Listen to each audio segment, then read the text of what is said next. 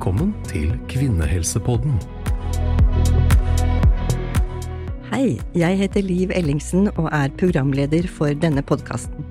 Jeg har jobbet som fødselslege i mange år og brenner for å spre trygg kunnskap. Noen kvinner føder raskt etter oppstart av rier, mens andre kvinner bruker flere dager fra riene starter til fødselen er i gang. Tiden før fødsel kaller vi ofte latensfasen, og den kan være lang og tung for noen kvinner. Enkelte fødende får kanskje ikke god nok hjelp. Dette skal vi snakke mer om i dag, og til det har vi med oss en ekspert, fag- og forskningsjordmor Lise Gaudernak ved fødeavdelingen på Rikshospitalet. Lise måtte fordype seg ekstra i dette temaet da hun tok doktorgrad om langvarig fødsel, og det har vi snakket om her tidligere. Ruth Cecilie brukte lang tid på å komme i gang da hun skulle føde sitt første barn, Birk, og Birk er med oss i dag, og det kan hende dere hører litt lyder fra han. Hun ble satt i gang elleve dager over termin og hadde vonde rier uten at det åpnet seg nok til at hun fikk komme inn i fødeavdelingen. Det skal hun fortelle mer om litt senere. Velkommen til dere begge. Takk skal du ha. Takk for det. Først til deg, Lise. Kan du forklare hva er egentlig latensfasen? Eh, fødselen deles vanligvis inn i tre faser, og den første er åpningsfasen, og denne fasen deles igjen inn i to, hvor den første delen av åpningsfasen kalles latensfasen. Eh, hva som er starten av denne fasen, er omdiskutert. Men i denne fasen så vil livmorhalsen forandre seg fra å være eh, lukket og uelastisk til å bli myk og tøyelig, videre vil den bli avflatet og begynne å åpne seg. Deretter kommer den såkalte aktive delen av åpningsfasen, som varer fram til livmorhalsen er 10 cm åpen. Og så kommer trykkefasen, som fører fram til fødsel, og til slutt kommer den såkalte etterbyrdsfasen, hvor morkaken blir født. Men hvordan kan man vite da, i hvilken fase man er i? Hvordan kan en fødende vite om hun er i latensfasen? Det er lite konsensus når det gjelder akkurat start av latensfasen, men det som går igjen, er jo at man i hvert fall kjenner regelmessig smertefulle sammentrekninger, og at det skjer en eh, utvikling av livmorhalsen. Så lurer noen på, kynnere, er det det samme som rier? Er det det jeg skal kjenne? Eh, kynnere er jo også livmorsammentrekninger, men de er, er per definisjon ikke smertefulle. De kan være ganske plagsomme, og livmoren kan bli ganske stram og hard. Eh, men de skal ikke være direkte smertefulle, og de er også ofte uregelmessige. Kynnere varer også ofte lengre enn rier. Og de blir påvirket av hva du gjør, så hvis du legger deg ned, så blir de kanskje sjeldnere. Mens rier er mer upåvirkelige av hva du faktisk driver med, og de blir ofte sterkere i intensitet etter hvert. Og også mer smertefulle og kommer tettere. Ja. Eh, men man kaller ofte modningsrier de første riene man har, og da kan det være litt vanskelig å skille hva som er eh, hva som er kynnere, og hva som er rier. Etter hvert så er man ikke i tvil om det lenger. Så vi som jobber på sykehus, vi kaller, sier jo ofte at man Det å være i fødsel, eh, hvordan kan man vite det, da? Når, når er det latensfasen er over i den ordentlige fasen, å være i fødsel? Ja, det er ofte et sånt uh, begrep vi som jobber på fødeavdeling bruker. Men det er litt betenkelig begrep, egentlig, fordi at kvinnen, hun opplever ofte at, hun, at fødselen har vært i gang lenge, når vi sier at du er ikke i fødsel ennå, du er bare i latensfasen. Eh, og eh, vi har definisjonen av å være i fødsel på en viss centimeter åpning, og det er i Norge så regnes det som fire centimeter.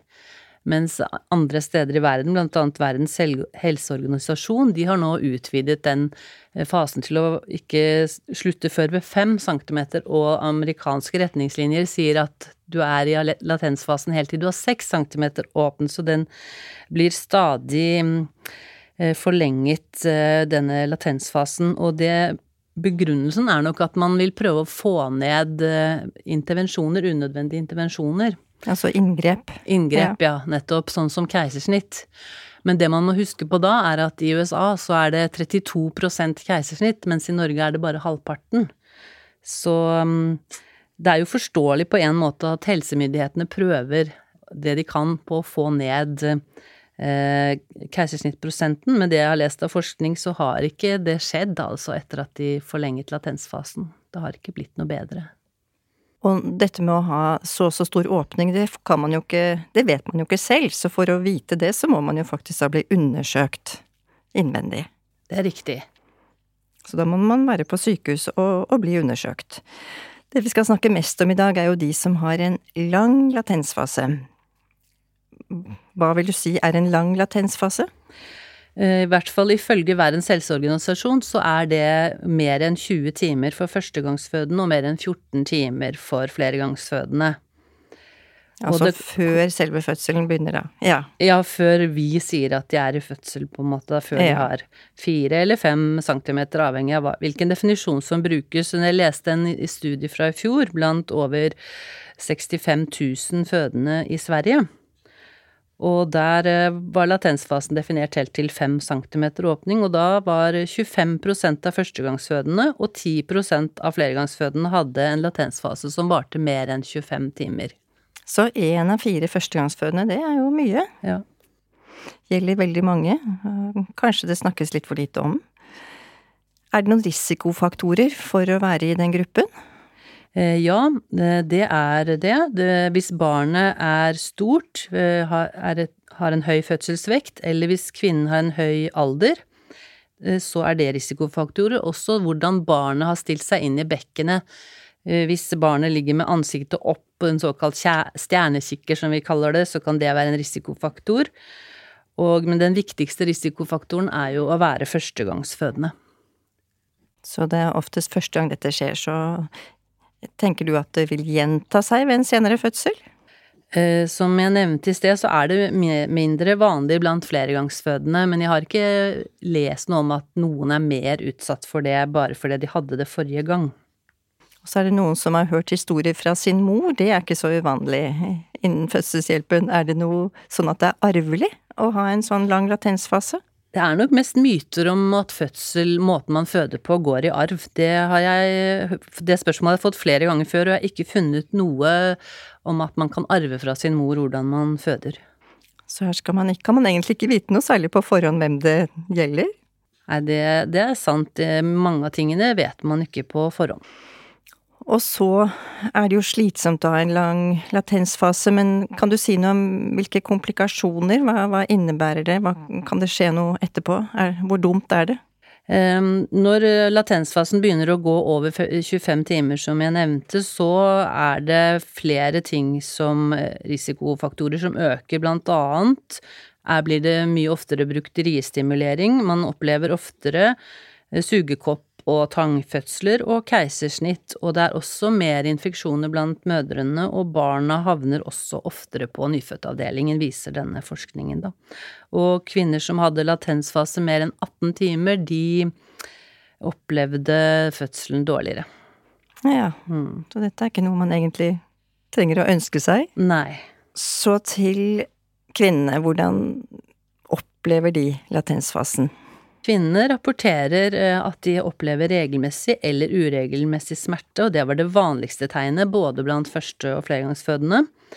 Og så var det mistanke om at vannet hadde gått, og dette var oftere rapportert blant førstegangsfødende. Eh, Og det samme gjaldt eh, at de hadde plager fra mage-tarmsystemet. Så var det mange som nevnte søvnforstyrrelser, humørforandringer og småblødninger. Og kvinnen og partneren var ikke alltid enige om hvor det optimale stedet å være i latensfasen var. Og graden av støtte og hjelp som de opplevde fra ledsager, var også varierende. Noen ledsagere hjalp kvinnen til å slappe av og takle latensfasen hjemme, mens andre var veldig opptatt av at de måtte komme seg til sykehuset og få hjelp der så fort som mulig. Har du inntrykk av at fødende kvinner vet om dette? Er de godt forberedt på at fødselen kan starte på denne måten? Eh, både og.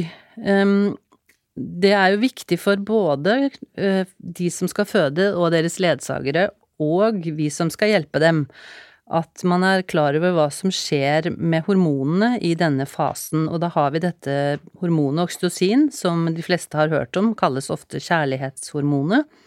Dette har en veldig viktig rolle i fødsel. Og under graviditeten så øker det gradvis nivået av oksytocin. Som man Og- lager selv, som skilles ut? Så, ja, hormoner man lager selv. Eh, Det fins også som drypp, ikke sant, hvis man må ha ristimulering. Og dette hormonet har en betydelig rolle både i start og fremdrift av fødsel, og det er andre hormoner som også spiller inn, østrogen, progesteron, prostaglandin relaksin. Eh, De spiller inn for å sette i gang fødselen, og for å få rier videre. Og dette kalles jo for også velværehormonet, og det kan virke smertelindrende og redusere blodtrykk og kortisolnivå, og simulere positiv interaksjon og fremme vekst og helbredelse. Og dette hormonet skilles ut under fysisk stimulering, eksempel ved massasje eller skånsom berøring ellers. Og det er det viktige, tenker man, så at det er viktig å ha mye av rundt eh, fødsel. Ikke sant? Det er på sitt aller høyeste under fødsel. Og så er, kommer clouet her, og det er adrenalin. For adrenalin hemmer jo oksytocin. Eh, Slik at en fødende kvinne opplever jo ofte dette, at det blir eh, mye stresshormoner. Og hun trenger å være støttet og rolig, trygg i et rolig og trygt miljø. Um, og denne, dette adrenalinet kommer jo oftere blir det mer av når man kommer på et sykehus, kanskje en travel avdeling hvor det er mye fremmede mennesker, fremmede lyder, fremmede inntrykk. Blir man redd, rett og slett? Ja, man kan bli stresset og redd, og da kan jo fødselen gå saktere på grunn av denne stressaktiveringen, da. Så det jeg tenker er at gitt at kvinnen har det bra, føler seg trygg og rolig hjemme hos seg selv, så er det beste at, eh, at fødselen kommer godt i gang hjemme, fordi at det gir en god oksytocinproduksjon. Og forberedelse i svangerskapet, det er også lurt når man eh, tenker at eh, kvinnene og ledsagerne skal vite om alt dette. Hvordan starter fødselen? Hva kan man forvente av fremgang? Eh, Hva slags smertebehandling fins? Alt dette er smart for at kvinnen skal møte latensfasen eller den tidlige fødselsfasen så godt som mulig. Så å være godt forberedt er faktisk ganske viktig. Og det er jo litt derfor vi har denne podkasten her også, da. Ja. Og nå har du jo sagt litt om det, men du er jo jordmor og jobber jo på fødeavdelingen og er vant til å møte disse kvinnene. Eh, Kan du si litt om hvordan man faktisk bør møte kvinner som er i denne litt ulykkelige situasjonen, da? Ja. Eh, forskning viser at kvinner som tar kontakt med fødeavdelingen eh, fordi de lurer på om fødselen er i gang, de syntes at kommunikasjonen med jordmødrene var veldig viktig og var avgjørende for hva de valgte å gjøre videre. De ønsket også å bli lyttet til av sympatiske jordmødre som kunne forsikre at symptomene og tegn på tidlig fødsel var normale, og gi klare råd om hva hun burde gjøre. Eh, Og det som dessverre skjer av og til, er at jordmødrene på fødeavdelinger blir oppfattet som en slags portvakter.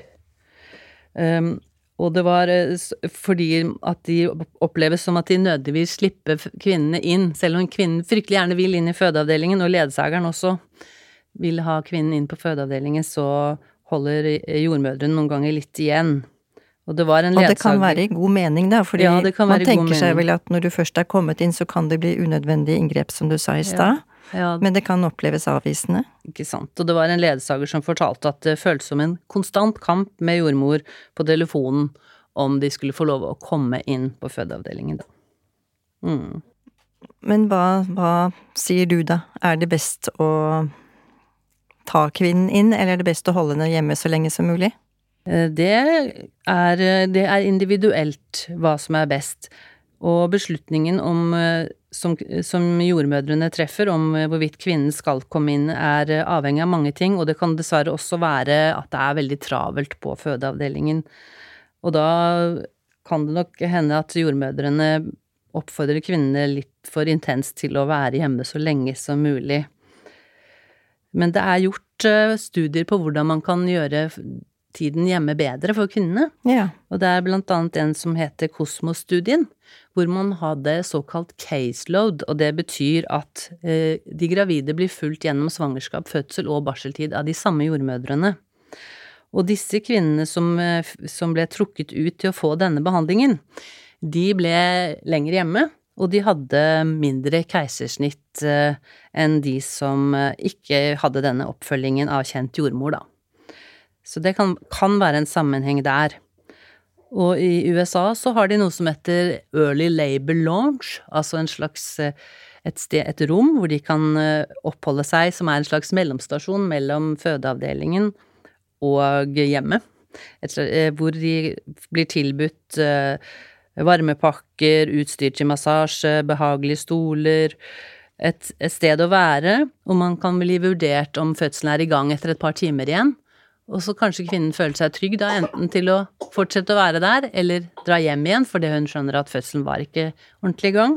Eller så er hun kommet over i den såkalte aktive delen av fødselen, sånn at hun kan komme inn i fødeavdelingen. Så det kan vi ønske oss på norske sykehus. Det høres ja, jo ut som kanskje det. Kanskje ikke til alle, men til noen få. Til noen som er redde eller bor langt unna. Som kanskje ikke har så god støtte, kanskje ikke har ledsager, ikke har så god støtte i ledsageren sin, da. Hvor det å bli sendt hjem kan, ikke er den beste ja. løsningen. Ja. Mm. Har du noen tips til hvordan kvinnen og partneren selv kan håndtere latensfasen bedre? Ja, eh, kvinner og ledsagere har stort behov for informasjon om fødselens tidlige fase, hva som skjer, hvordan den oppleves, og hvor, når de bør ta kontakt med sykehus osv. Moderne mennesker de finner jo veldig ofte informasjonen sin på nettet. Ja. Men det kan være veldig vanskelig å orientere seg og finne oppdatert saklig informasjon. Nettbaserte informasjonskilder blir mye brukt, men det er blandet syn blant de gravide på verdien av denne informasjonen. Noe av den oppleves villedende og også overdramatiserende. Og Derfor er det veldig gledelig at det finnes en god, relevant nettside som heter latens.no. Ja, den anbefaler du? Den anbefaler jeg. Den er laget av en jordmor som heter Enid Myhre, og hun disputerte nylig, og dette var hennes uh, hovedtema for uh, hennes doktorgrad. Og nå er denne, denne nettsiden blitt eh, offentlig betalt, så den vil være der for bestandig. Og eh, jeg har hatt mye glede av denne latens.no da jeg eh, jobbet med fødsler, og jeg har også sett at mine kollegaer bruker den eh, flittig og anbefaler den til kvinner som ringer inn og lurer litt på hvordan de skal takle den tidlige fødselsfasen, da. Det var et viktig, viktig tips å få med. Mm.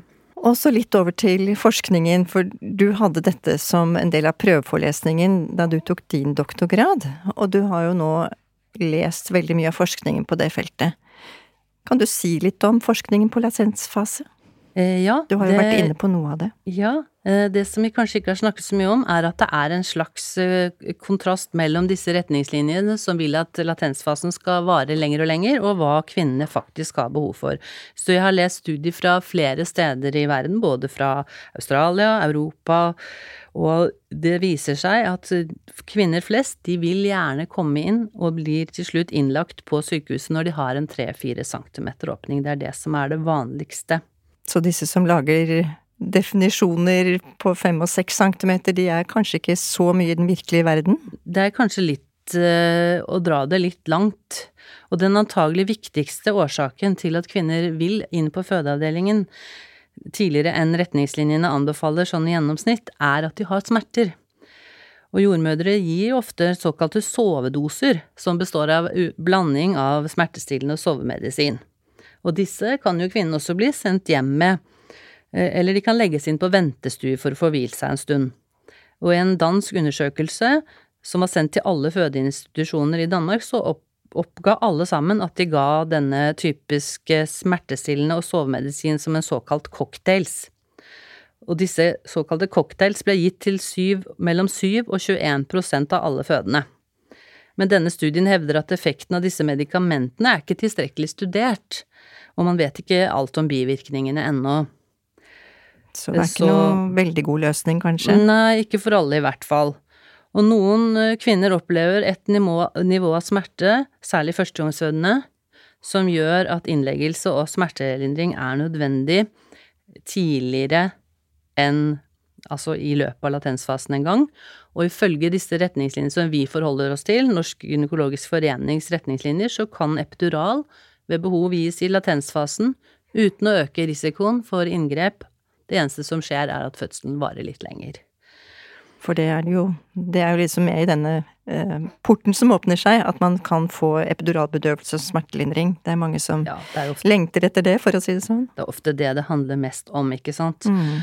Um, og forskning viser også at uh, hvilke friske førstegangsfødende som kommer tidlig i fødsel, har ikke så mye med alder og høyde og sivilstatus og utdanning å, gjøre, men de har eh, med å gjøre om de har gått på svangerskapskurs eller ikke. Så de som har gått på svangerskapskurs, har oftere flere verktøy på en måte til å takle latensfasen hjemme, men det gjelder jo ikke, selvfølgelig ikke alle. Rett og slett mer kunnskap, at det er viktig. Mm.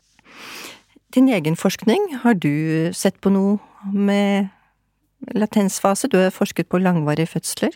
Jeg har forsket på langvarig fødsel, og den ene studien handlet om opplevelse av fødsel, og da eh, hadde vi også utsagn fra kvinnene med i den eh, artikkelen, og der var det sånn at kvinner som hadde opplevd en lang latensfase, de fremhevde ofte det som det verste med fødselen. At de var alene, lenge alene i denne tidlige, uventet smertefulle og veldig langvarige første del av fødselen, hvor de ikke helt visste når det skulle ta en ende, og de følte at de fikk eh, for lite oppfølging i denne fasen. Så, og alle kvinnene som hadde lange fødsler, eller det var mer vanlig, mener jeg, blant kvinner som hadde lange fødsler, å oppleve den negativt enn de som hadde normal lengde på fødselen, da. Dette er jo et viktig signal til helsearbeiderne. Ja. Så til slutt, hva vil du oppsummere med? Hva er det viktigste du vil si til kvinner som er bekymret for lang latensfase? Altså for, først så vil jeg jo si at det som er, det er en stor utfordring for oss som skal hjelpe disse kvinnene å finne balansen mellom å gjøre for mye ved å legge kvinner for tidlig inn i latensfasen og kanskje utsette dem for unødvendig inngrep, men også på den annen side å la dem være for lenge alene i latensfasen slik at den blir for lang og, og medfører både uh, inngrep og dårlige opplevelser. Men når det gjelder hva kvinnen kan gjøre selv, så er jo dette som jeg nevnte med svangerskapskurs, eh, det kan være en god idé særlig for førstegangsfødende. eh, Og også kanskje gå til jordmor i svangerskapet for å bli mest mulig forberedt på hva som venter en. Kvinner som er i tvil om de bør legges inn for fødsel, de trenger jo råd til å takle denne fasen, og de må ikke nøle med å ringe til fødeavdelingen. For eh, det er en viktig del av jobben vår, er å ta oss god tid til å lytte til eh, kvinnenes opplevelse og gi gode tips og råd.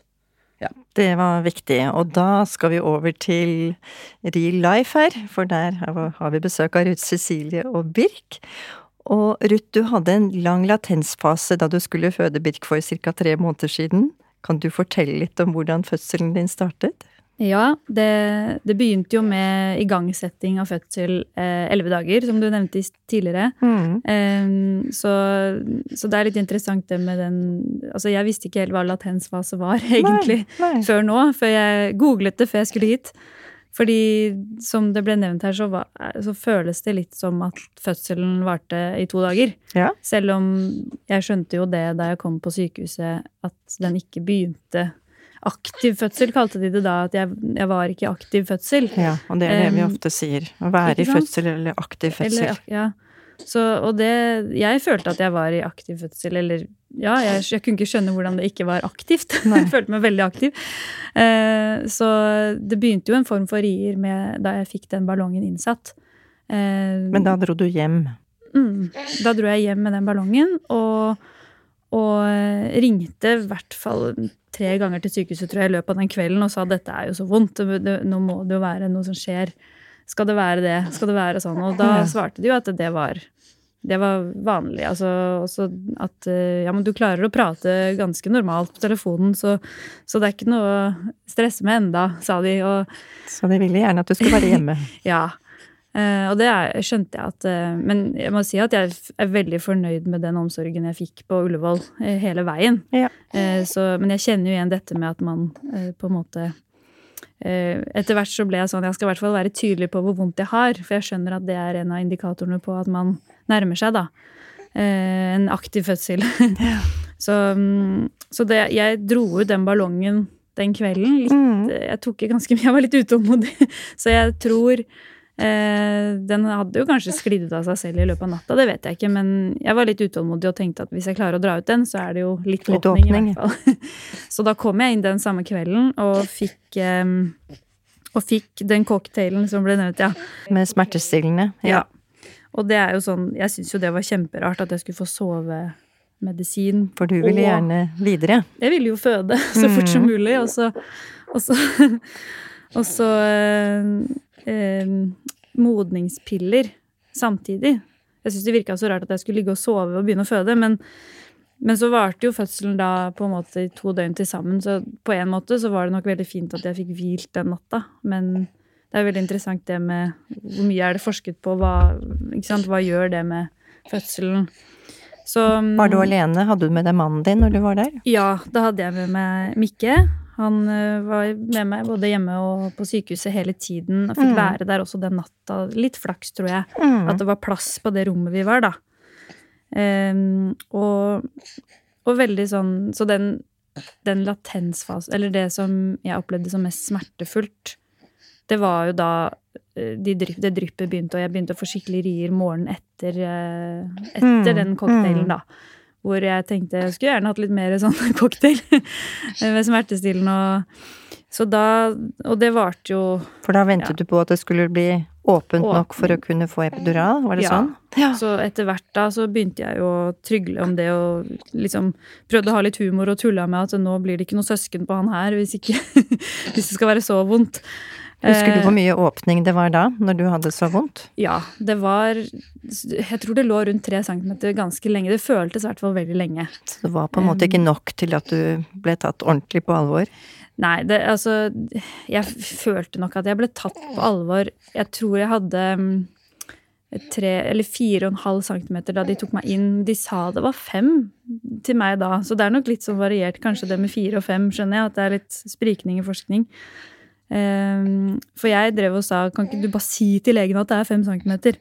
For jeg orker ikke å Altså, det, den fasen der var Og så hører jeg jo her at det, det er noen som opplever mye lengre enn det jeg hadde igjen.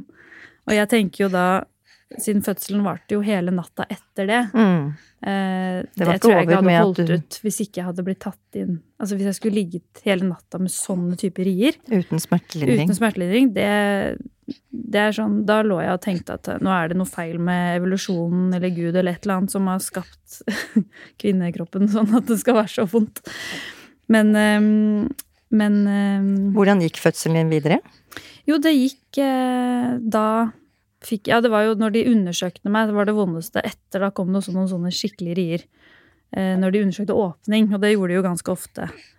Eh, videre så så fikk jeg jo den epiduralen og, og hadde egentlig en veldig sånn, for min del, veldig fin fødselopplevelse. Med, med god smertelindring og ja, da fikk jeg jo oksytocindrypp også, ikke sant? så det er sikkert kombinasjonen av det og smertelindring. så Jeg var litt sånn euforisk. Jeg gleda meg sånn til å se barnet mitt og, og, um, og ja, koste meg der inne og tulla. Jeg hadde jo veldig tett oppfølging på grunn av at jeg ble satt i gang også. For det kan jeg tenke meg at det er noe helt annet også hvis man ikke har sånn én-til-én like stor grad. Da, jeg vet ikke. Jeg hadde i hvert fall Ja, det er egentlig én til én som gjelder så fort man er over denne Aktiv, grensen okay. å være i aktiv fødsel, da. Ja, ok, jeg Mm. skjønner. Ja. Så da, da var det litt sånn stress for, for babyen, da, på slutten. Det var det som var litt sånn litt stressende, men jeg var nok såpass smertelindret og rolig og, og trygg, da. Eh, Så da, da var det liksom litt sånn fin opplevelse, egentlig, selv om jeg selvfølgelig hadde Kjente veldig godt riene. Og, men da hadde jeg kommunisert det godt med hun som var der. Eh, jordmoren som var der, om epidural og og fikk Mhm. på en måte det jeg trengte der. Og, og opplevde jo det som en veldig lettelse. Altså da ble jo fødselen plutselig en opplevelse som jeg tenkte at ja, men kanskje det kan bli søsken likevel. Hvis, det, hvis, men men eh, hvis jeg hadde Hvis noen kunne sagt at det ikke er noe farlig å få epidural før, så skulle jeg gjerne hatt det enda før. ja, Um, så det var den første fasen som var den Ja. vanskeligste for deg. for meg var det det. Mm. Uh, ja. Mm. Hvordan kom barnet ut?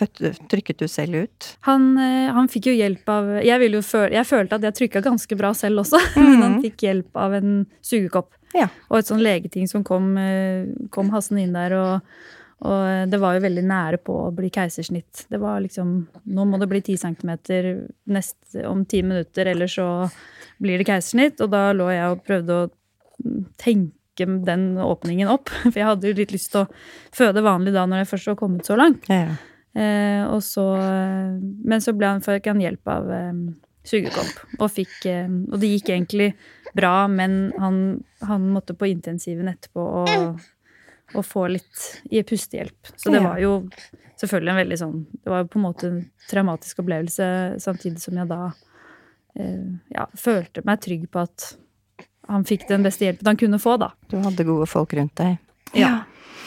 Har du noen råd til andre som kanskje havner i samme situasjon? Altså, det er i hvert fall å være veldig tydelig på hvor vondt man har, og, og bare be om For jeg tror, i og med at det ikke er sånn fasit på alt dette her når man skal få smertestillende, og sånn, så er det veldig viktig å være tydelig på at nå trenger jeg smertestillende. Eh, fordi at jeg regner med Man vil jo gjerne kanskje bruke minst mulig medisiner. så det å være tydelig på det, og så, og så følte jeg i hvert fall at det var Eller jeg hadde satt meg en del inn i ting på forhånd, og det følte jeg For meg så gjaldt det, da. Å ha litt sånn Å vite at det er veldig vondt, og at det ikke er noe farlig. Sånn at jeg ikke ble redd. Det var i Ja. hvert fall eh, For jeg tror hvis jeg ikke hadde visst hvor liksom, vondt det kunne gjøre, så, så hadde jeg nok blitt mer redd. Ja. Um, og det hjelper jo, som, som dere sa, så hjelper jo ikke det så veldig på sånn hormoner som er gode oksytociner, ja. Oksytocin, ja. Uh, ja. Og stole på de som skal hjelpe deg, men være liksom tydelig på hva man trenger. For jeg føler de, de som jobber på, med, innen fødsel, hører veldig godt på hva man sier. Eller og, skri- og fødebrev, for eksempel. Man Mm. skriver det. Så det følte jeg veldig sånn Jeg merket at de som kom på kveldsvakt og nattevakt og dagvakt, de hadde tydeligvis lest det fødebrevet. For jeg skjønte De på en måte informerte meg sånn som jeg hadde spurt om at jeg syns det er spennende å liksom skjønne hva som foregår, og, og um, Ja. Så det var veldig Det var veldig fint. Har Mm. du noen kommentarer, Lise, til historien til Ruth Cecilie? Eh, Ja, jeg syns det høres ut som en typisk sånn lang latensfase hvor det kanskje tøffeste er over når du får den epiduralen. Men jeg vil gjerne understreke at, er, at vi er ikke så firkanta at vi eh, ønsker at alle skal ha fire centimeter eller fem før de kommer inn. eh, Og heller ikke før de får epidural. Eh, Det går an å bli lagt inn i fødsel når man har både én og to centimeter, og man kan få epidural når man har både to og tre centimeter åpning, selv om det ideelle kanskje er, litt, er å komme litt lenger.